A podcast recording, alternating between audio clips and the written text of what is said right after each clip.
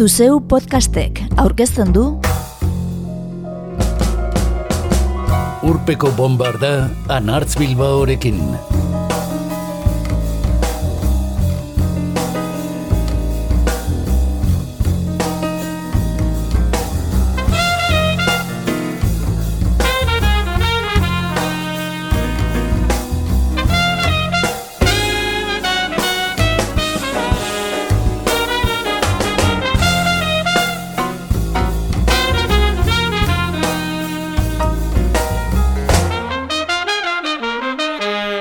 Gaur urpeko bombardan eta laugarren aldiz, zerbait berria, zerbait zaharra eta zerbait erabilia moldean gatoz.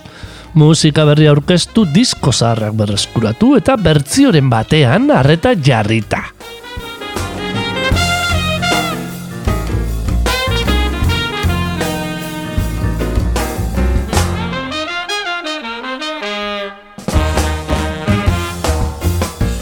Nobedade natalean Aroj Aftap eta Emdou Mokhtarren kantu bana entzungo dugu. Baina batez ere, era batera supertaldearen izpi galdua lanari erreparatuko diogu. Gaizka Salazar gidaria elkarrezketatuta. Atzera begirakoan, bi izen. Etxekoa bata, kerobia. Eta kasik etxekotua bestea. Joy Ramon. Hogei urte aurten talde nafarra eratu zela eta hogei urte gaur New Yorkeko izarra zendu zela. Kamaron de la Islaren viejo mundorekin bukatuko dugu zaioa. Eta entzungo dugu jatorriz motxailak berak kantatua, baita J. Martinak egindako moldaketa harrigarria ere. Goazen!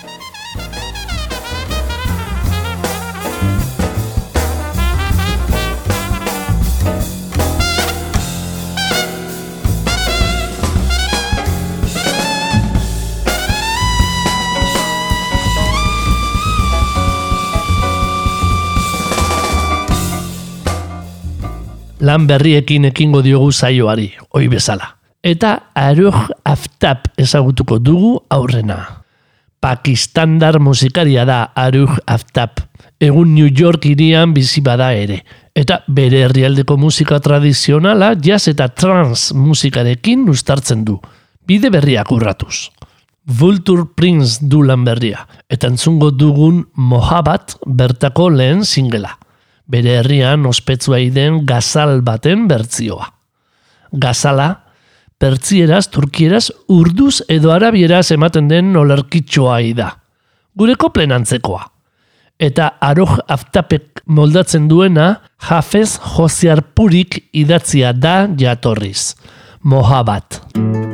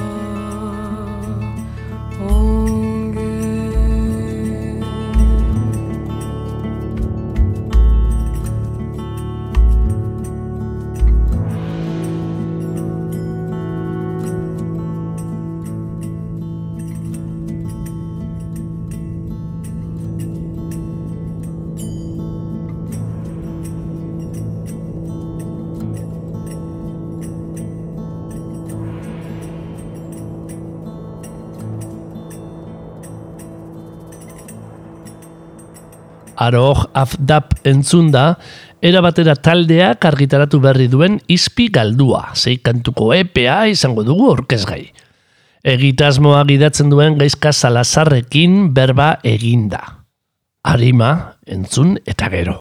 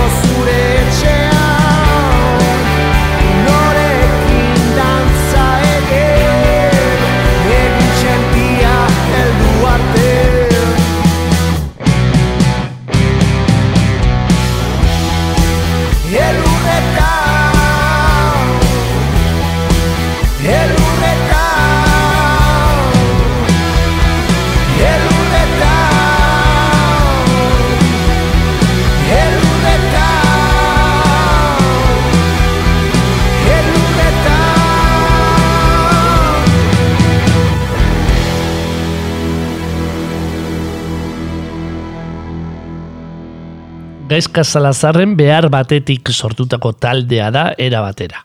Aita zendu zitzaionean, zaminetik sortutako kantu batzuei bidea emateko egitasmoa. bide lagunak e, topatzeko garaian edo aukeratzeko garaian, bueno, aukeraketa e, batetik e, nikel basuan e, nirekin egotea, osea, aukeraketa oso e, niretzako berezia eta oso gertukoa eta lagun mina dut nikel, beraz, e, ba, ba, nekin berarekin e, e, kontatuko nuela, edo berak baiezko esango zidala, e, gero gitarrarekin, ba, bainat ere, aspalditik e, bueno, laguna, e, Gernikan e, askotan egondakoak, eta koinzidugunak e, askotan kontzertutan, eta, bueno, bera nola jotzen duen e, asko gustatzen zait, zelako koloreak eta eta eta kapak jartzen dituen eta nola bil, e, jantzen dituen abestiak asko gustatzen zait, orduan,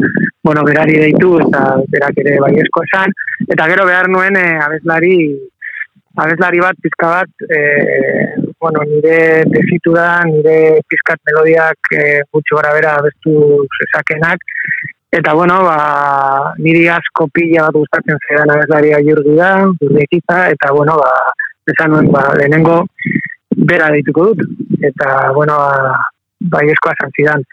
Orduan, e, izan da pizka bat, e, ez dut e, bilatu e, nola esan, excelentzia edo gehiago bilatu dut e, gertuko jendea eta eta hasierako hori antipodetan lana, bueno, nahiko berezia eta eta niretzako sentiko razanez, ba, behar nuen e, gustora egon eta eta bueno, konfiantzaz lan egin, ezta? Gatibu taldeko bateria jolea da Salazar eta gure zorionerako hurbileko lagun dituenak musikari bikainak ere badira. Gaur entzunal izango dugunez supertaldea baita era batera. Hasiera batean, lehen lana izan zuten 2018ko antipodetan grabatzea zuten helburu bakarra. Baina laukotean lanean hasi orduko talde izaera hartu zuen Miguel Moiano eta Josua Ginagarekin egun zeikote bihurtua den erabaterak. Nik uste ja talde izaera hartu zuela zuzenekoetan hasi ginenean. Talde izaera, eske, lehenengo antipodetan diskako prozesua pizkat berezia izan zen. E, nik etxean landutako abestiak ziren, bainatek lagunduta pizkateko ekoizpenean, baina e, estudioan bakarka grabatutakoa izan zen. Inoiz taldea e, e, ensaiatu barik, eta mm, de hecho, e, Laurok, hasieran e, bainat jurgi Mikel eta Laurok, e, osea, elkarren artean, e, Mikel eta Beñat bai, baina Jurgi ez zuten ezagutzen, e, Jurgi ni bai, baina e, Beñat eta Mikel ez, orduan, lehenengo diskako prozesua nahiko esoizkoa izan osea, e, talde bezala, e, inoiz, e, entzaio bat egin barik. Eta, e, izpigaldua diska honetan, e, ba, bueno, alderantziz, e, ja, e, bueno, e, ja talde, talde bat gara, eta hori nabaritu da. Eta talde izara nik uste dut, e, ja lehenengo diska, diskako kontzertuak e, prestatzen ari ginela sortu zela, eh? Salazar berba egiten entzun da, antzematen da horrelako eskarmentua duten musikarientzat ere, pizgarria behar duela izan, era batera bezalako egitasmo bat martxan jartzea. Bai, bai, bai, oso, oso zirra diko proiektua izan zan eta da, eta batez ere antipoetan dizka izan zan pizka bat, ostia, e, elkarre zagutu gadei aia eta ensaiatu gadei inoiz, ze, zer aterako da nendik ez. Baina, bueno, nik eh, nahiko argi neukan buruan eta banekien e, funtzionatuko zuela eta kantu politak zeudela, orduan, baina bai, prozesua izan da nahiko, ostia, zer, zer pasatuko da hemen, ez? Badakit zerbait ona, ziur, baina zer gertatuko da. Eta, bueno, eskenean e, posik.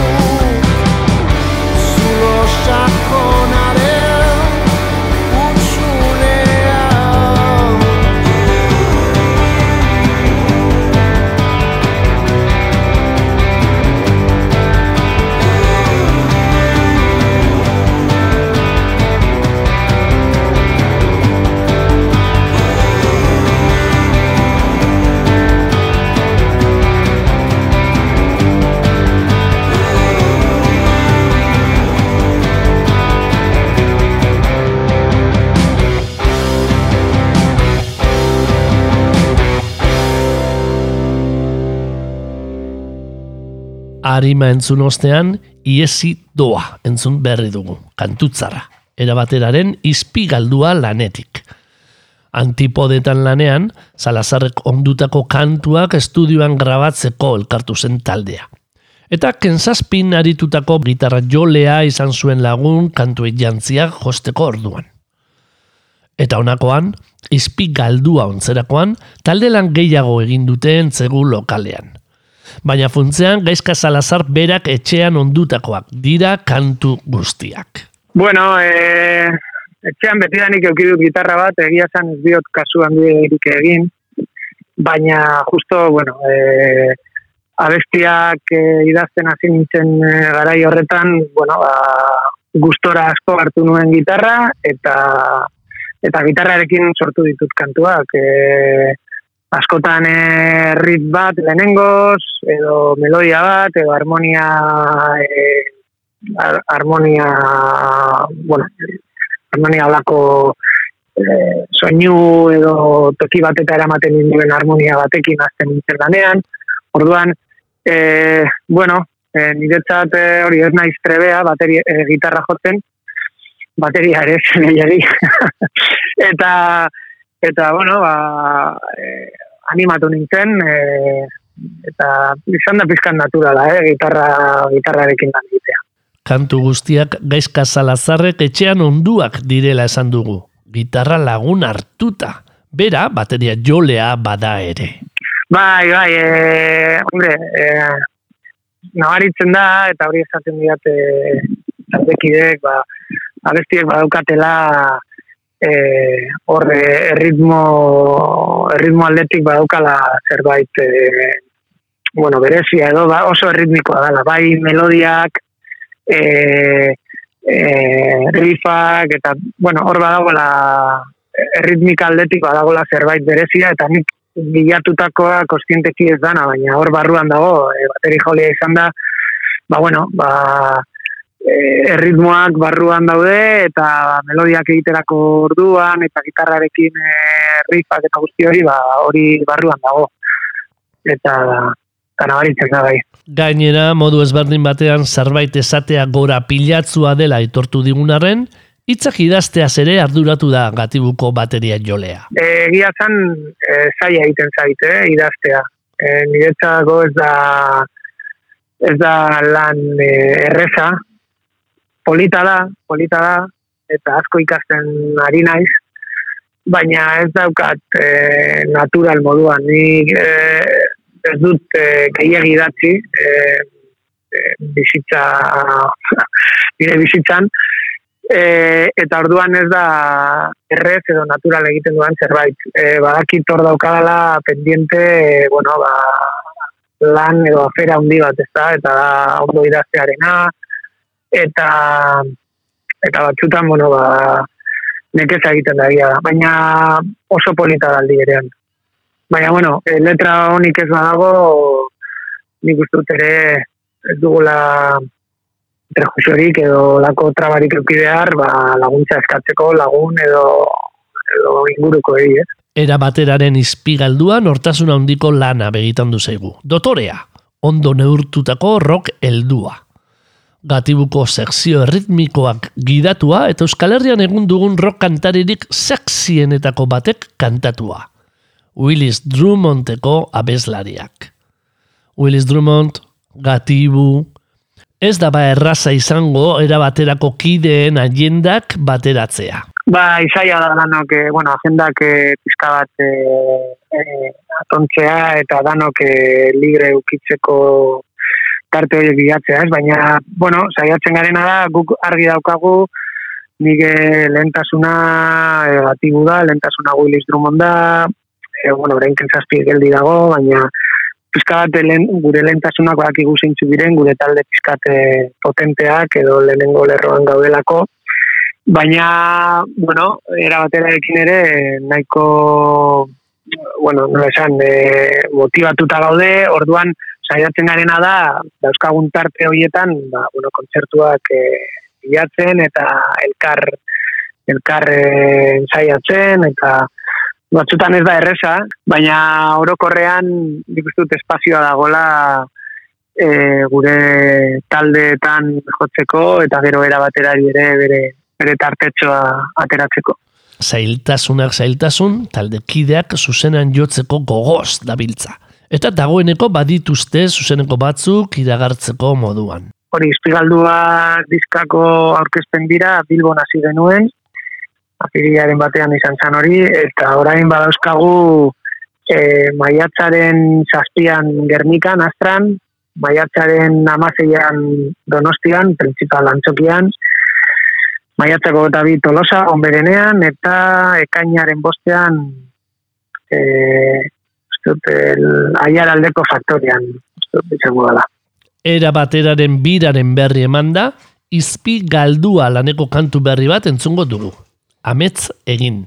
Pandemiak gora bera, sortzen jarraituko dutela irmotasunez adierazi digun musikari eta laguna, gaizka salazar, agurtzeko. Bueno, guk argi daukagu, eta nik ere argi daukat esan nahi dut, e, musika egiten jarraituko dugula eta musika jotzen jarraituko dugula. Osea, hori nik uste dut ez daukagula inork e, duda espirik ere. Osea, guretzako ez da bakarrik lanbide bat, guretzako hau bizimodua da, pasio bat da, eta jarraituko dugu egiten.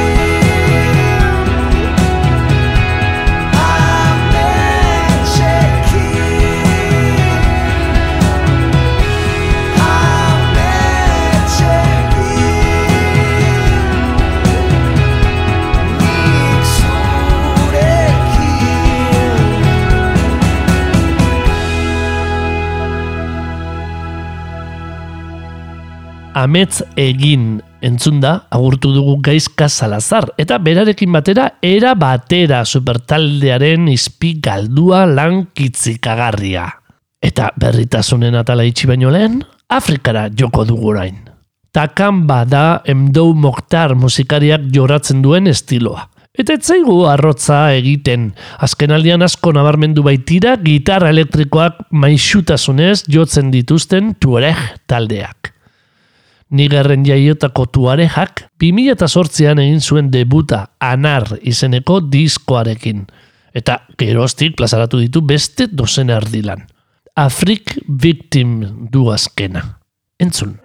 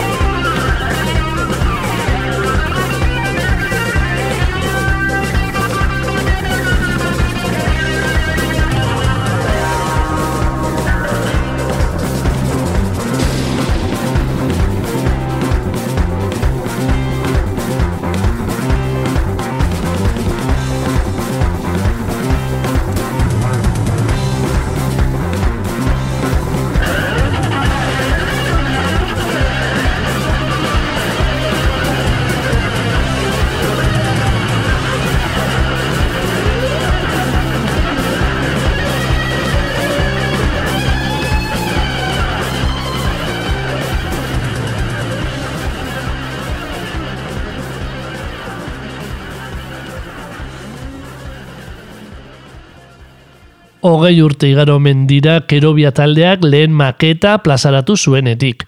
Eta talde nafarrak vinilo bikoitza plazaratu ospatu gura izan du urtemuga. guk atzera begirakoa irekitzeko baliatuko duguna. Lan berriak konstelazioa darama izenburu, eta kerobiaren kanturik esanguratzuenen bildumaz gain, bere garaian baztertutako kantu argitaratu gabeak ere bilduko ditu, zuzeneko bi kanturekin batera. Guztira hogeita bi kantu. Orain arte ez ezaguna zitzaigun, tina txikia barne.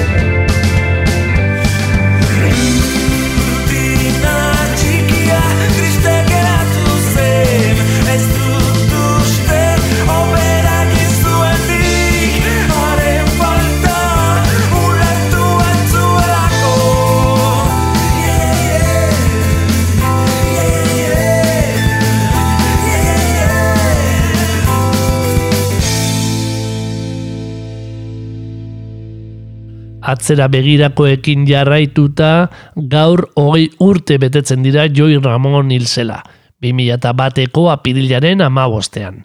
Berrogeita bederatzi urte baino ez zituela.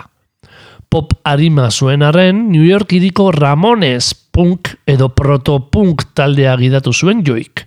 Hasiera hasieran bateria joz, eta handik gutxira frontman legez. Irurogeita marreko amarkadan sortua, itzala handiko taldea da Ramones. Zer esanik ez gurean. Mila bederatzen irurogeita maseian, debut homonimoa argitaratu zuten. Edo zein egitasmo zirraragarri abian jartzeko erabil daiteken kantuak irekitzen zuena. Hey, ho, let's go!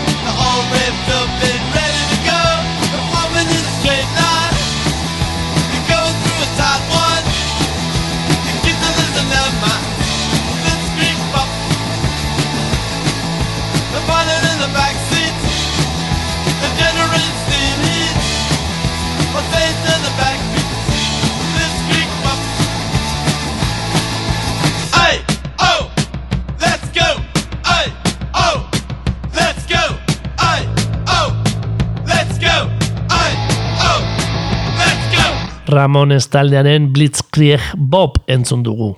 Gaur hogei urte hil zen Joi Ramone gogoratzeko asmoz. Kasik bi metroko kankailua zen Joi. Mila bederatzen da berrogeita maikan Jeffrey Heeman jaioa, New Yorkeko Queens auzoan.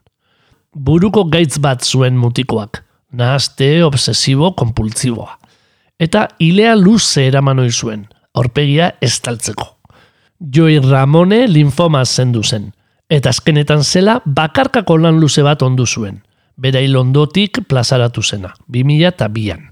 Bigarren baterea agertuko zen gero, 2002an. Lehen lan hartatik Louis Armstrongen What's a Wonderful World kantuari egindako bertzioa da ezagunena, baina guk diskoari izena ematen ziona hautatu dugu. Joi agurtu eta epitafio modura. Don't worry about me. Don't worry about me. Don't worry about me. Oh, oh, oh.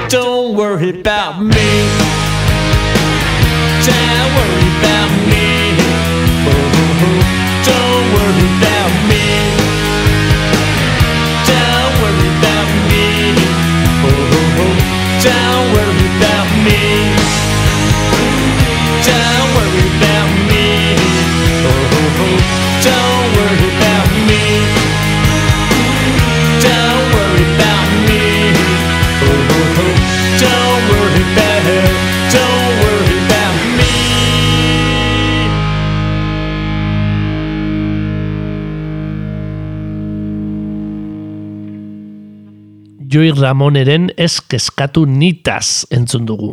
Ezin aproposagoa, hiltze arzen gizonak zaleei esateko. Lanberriak ezagutzera eman eta zarrak berreskuratuta, kantu baten moldaketa orkestea baino etzaigu gelditzen, bombarda berriro urpean gorde eta gaurko saioa agurtzeko. Jose Monje Cruz kantaore motxaila gazti zen Baina nahikoa izan zituen berrogeita bat urte flamenkoaren izarri leskor bilakatzeko. Kamaron de la Isla izenarekin. Kamaronek mila bederatzerun da irurogeita meretzian plazaratu zuen La leyenda del tiempo.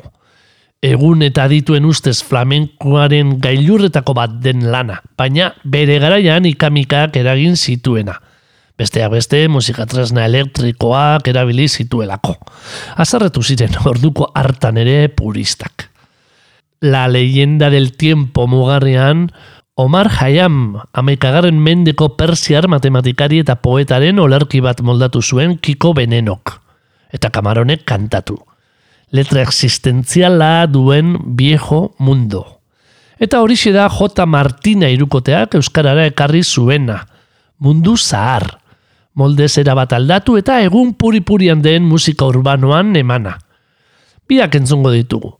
Jatorrezkoa aurrena, Kamaron de la Islaren viejo mundo, Eta jarraian, Javi Jora Juria Baraindarrak bartzena aizpalarra betzuarrekin ondutako marabila. Agur esateko.